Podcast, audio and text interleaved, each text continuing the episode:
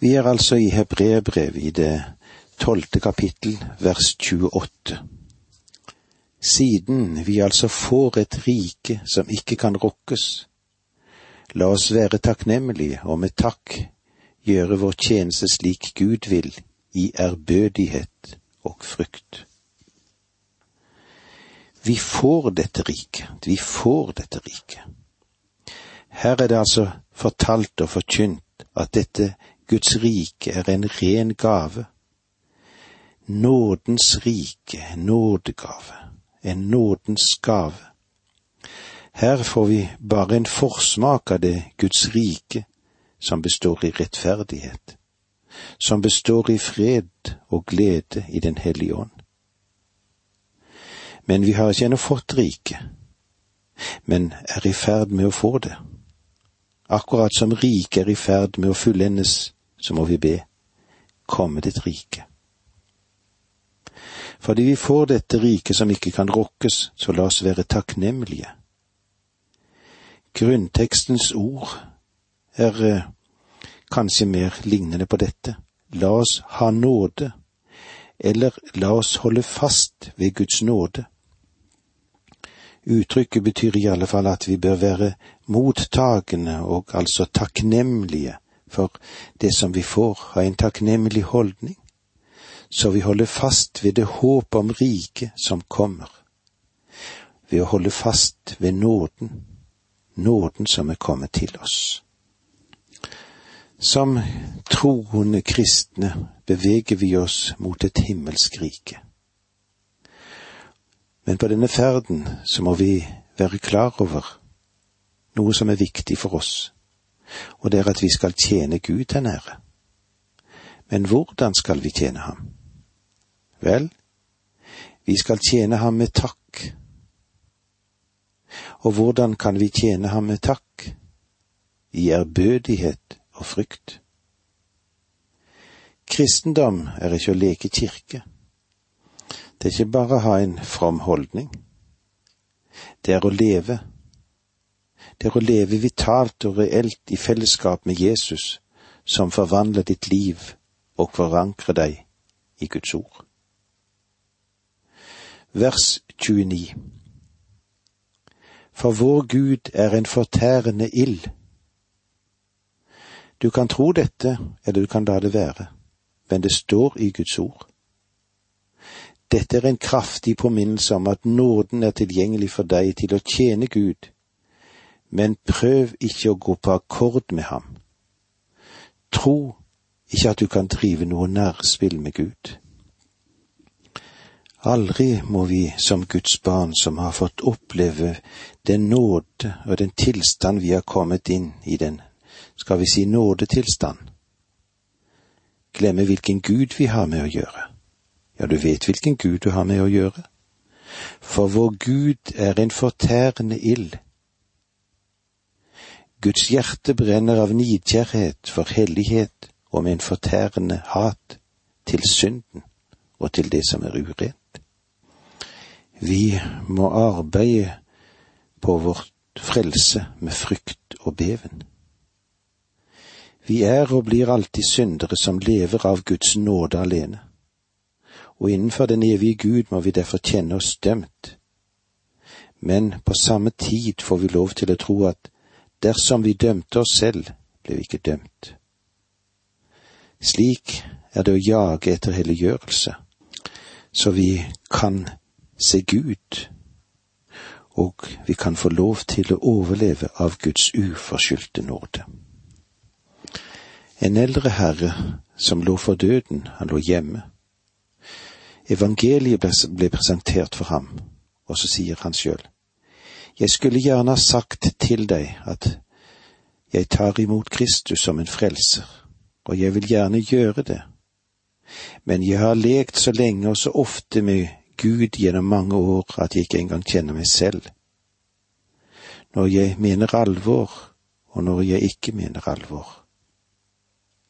Prøv ikke å leke med Gud Dagen kan komme da du, da du står i et forhold til ham som det ikke er noe forhold til i det hele tatt. La meg igjen få understreke det som forfatteren ønsker å få frem her. Han sier at vår Gud er en fortærende ild, men han er også nådig, han er herlig, og han er en vidunderlig frelser. Det var det vi hadde med oss ifra kapittel tolv. Nå går vi over i kapittel 13, og her vil vi se litt mer på de praktiske formaningene som kommer til oss. Som jeg tidligere har sagt, så er kapittel 11 troens kapittel. Kapittel 12 er håpets kapittel. Og kapittel 13 kan vi òg si, forutenom at det skal gi oss praktiske ting, kjærlighetens kapittel. Andre betegnelser som er blitt brukt om denne delen av brevet, er kapittel 10, som handler om den kristnes privilegier. Kapittel 11 om den kristnes kraft, kapittel 12 om den kristnes fremdrift. Og kapittel 13 om den kristnes praksis. Det er kanskje ikke den beste innholdsbestemmelse, dette, eller oversikt, men eh, det klafrer i alle fall godt med kapittel 13. For dette kapitlet viser oss hvordan den kristnes praktiske liv kan være. Og vi vil òg se på den troendes eller kristnes skjulte liv. I vers 13 leser vi slik, La kjærligheten til brødrene holdes levende. Kjærligheten til brødrene må ikke forstås i snever betydning. Forfatteren skriver vesentlig til hebreerne, men dette har like mye å si til oss som lever i dag. Både jøder og hedninger er ført inn i et legeme, legeme av de troende. Og den sementen som holder oss sammen, er søskenkjærlighet. Vi skal ikke vise kjærlighet som brødre viser kjærlighet, men vi skal vise kjærlighet fordi vi er brødre.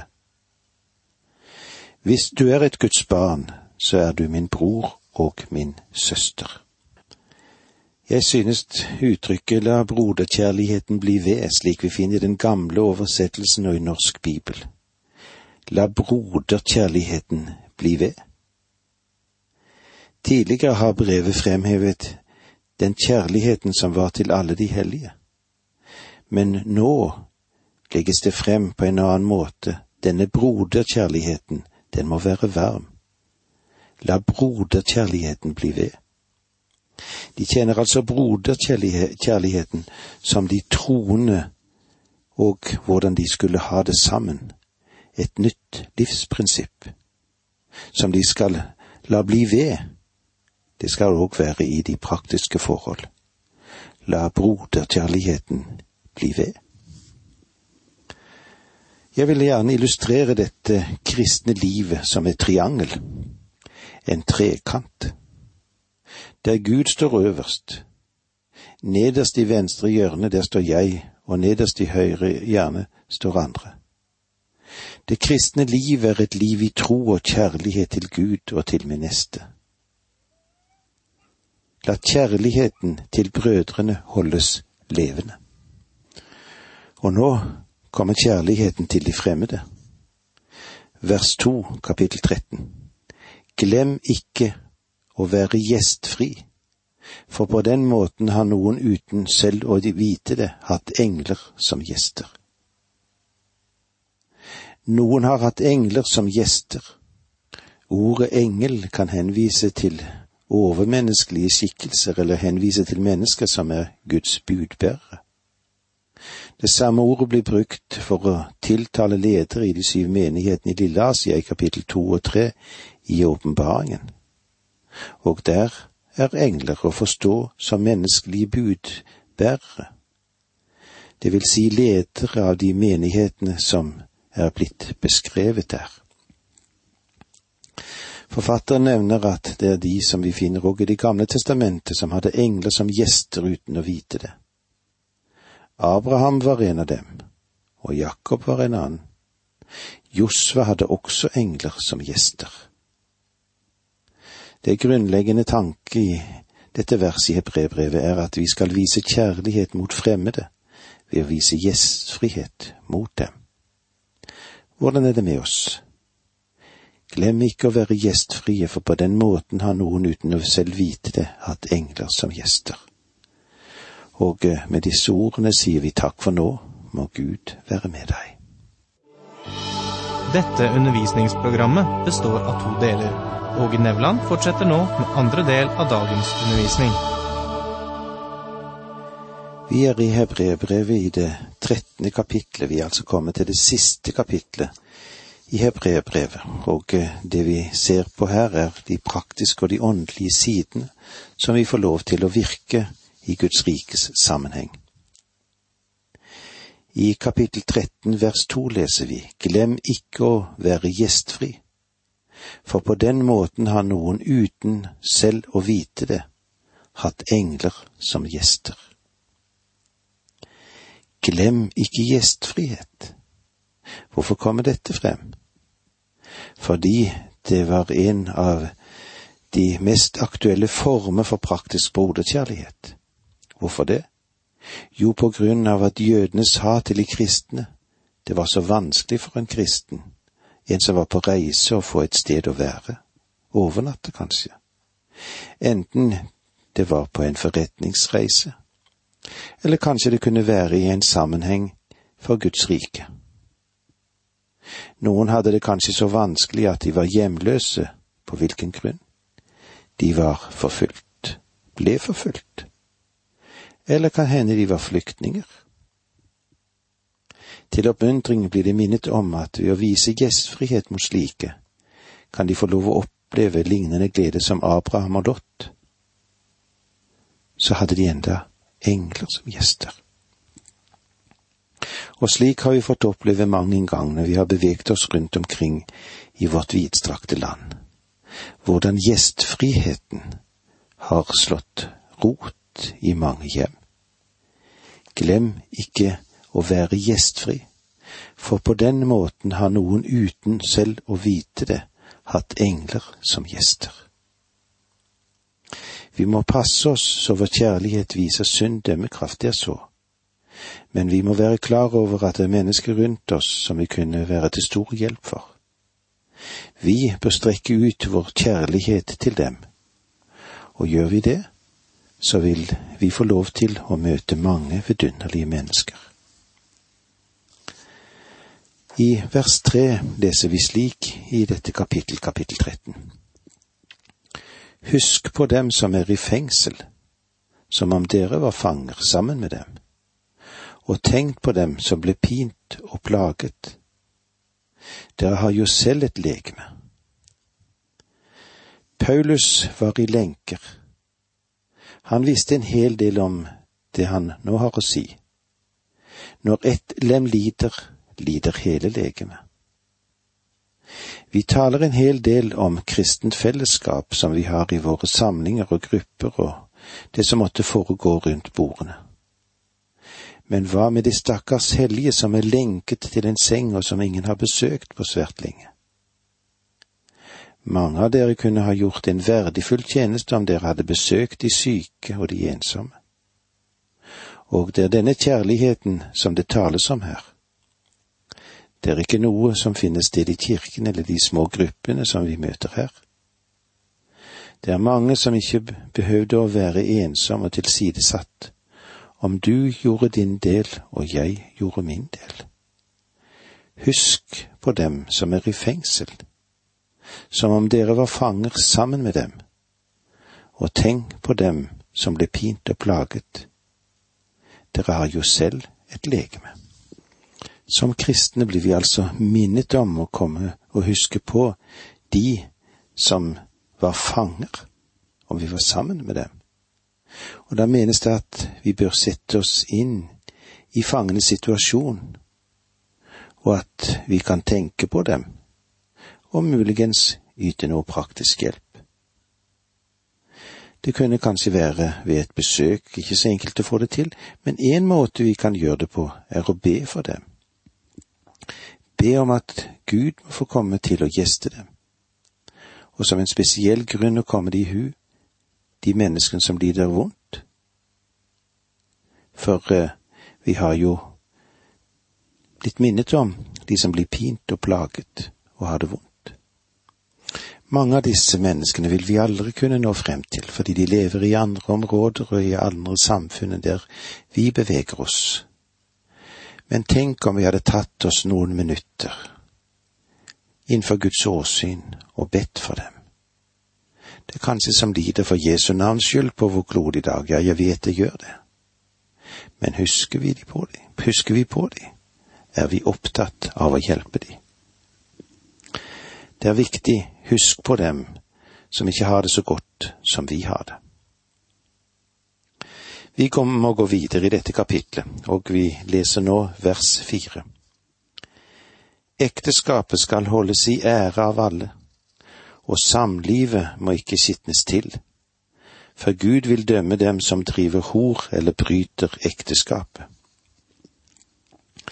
Ekteskapet skal holdes i ære av alle.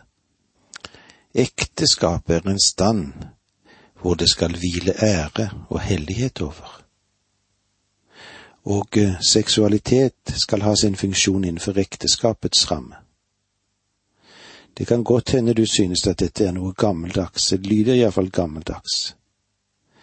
Men når jeg sier det her, så tror jeg, ja, jeg vet jeg står på Skriftens grunn.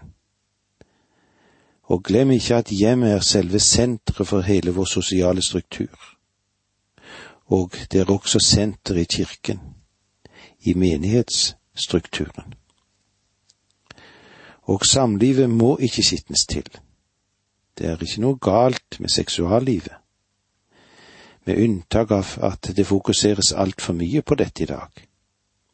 Det ser ut til at alle, alle, alle andre verdier må stille seg bak i køen. Det er ikke så rart at stadig flere ekteskap ikke fungerer som det skal være, når det er en viss norm som skal være til stede, og her ser vi ekteskapets verdi. Gud vil dømme dem som driver hor eller bryter ekteskapet. I Galaterbrevet 6,7 står det, Ta ikke feil, Gud lar seg ikke spotte. Det et menneske sår skal det også høste. Dette er meget alvorlig. Men etter mange år i tjenesten i Guds rike så har jeg fulgt med en del kristne som har forsøkt å smette unna sine seksuelle synder og jeg kjenner ingen som har klart å gjøre det, ingen smetter unna. Kanskje de ikke har blitt oppdaget, men det har ikke vært uten virkning. Gud har dømt dem. Vers fem Vær ikke glad i penger, men vær tilfreds med det dere har. For Gud har sagt, Jeg slipper deg ikke og svikter deg ikke. Vær ikke glad i penger. Det har å gjøre med hele din livsholdning, det. Bli ikke kjent som en som setter kronen over den allmektige Gud. Kanskje han ikke gjør deg til millionær, men han vil aldri slippe deg og aldri forlate deg. Er ikke det vidunderlig ha disse ordene i mente, da? Det betyr ikke noe hvem du er eller hva du gjør har du i tro svart på Guds ord? Befinner du deg på et punkt der du kan være viss på at Han aldri vil slippe deg og aldri forlate deg? Jeg håper Han er ved din side. Vers seks. Derfor kan vi tillitsfullt si, Herren er min hjelper, jeg frykter ikke. Hva kan da et menneske gjøre meg?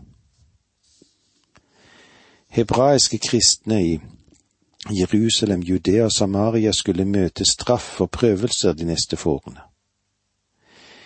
De trengte å huske på at Gud ikke ville svikte dem, og at de kunne si det på tross av det som hendte.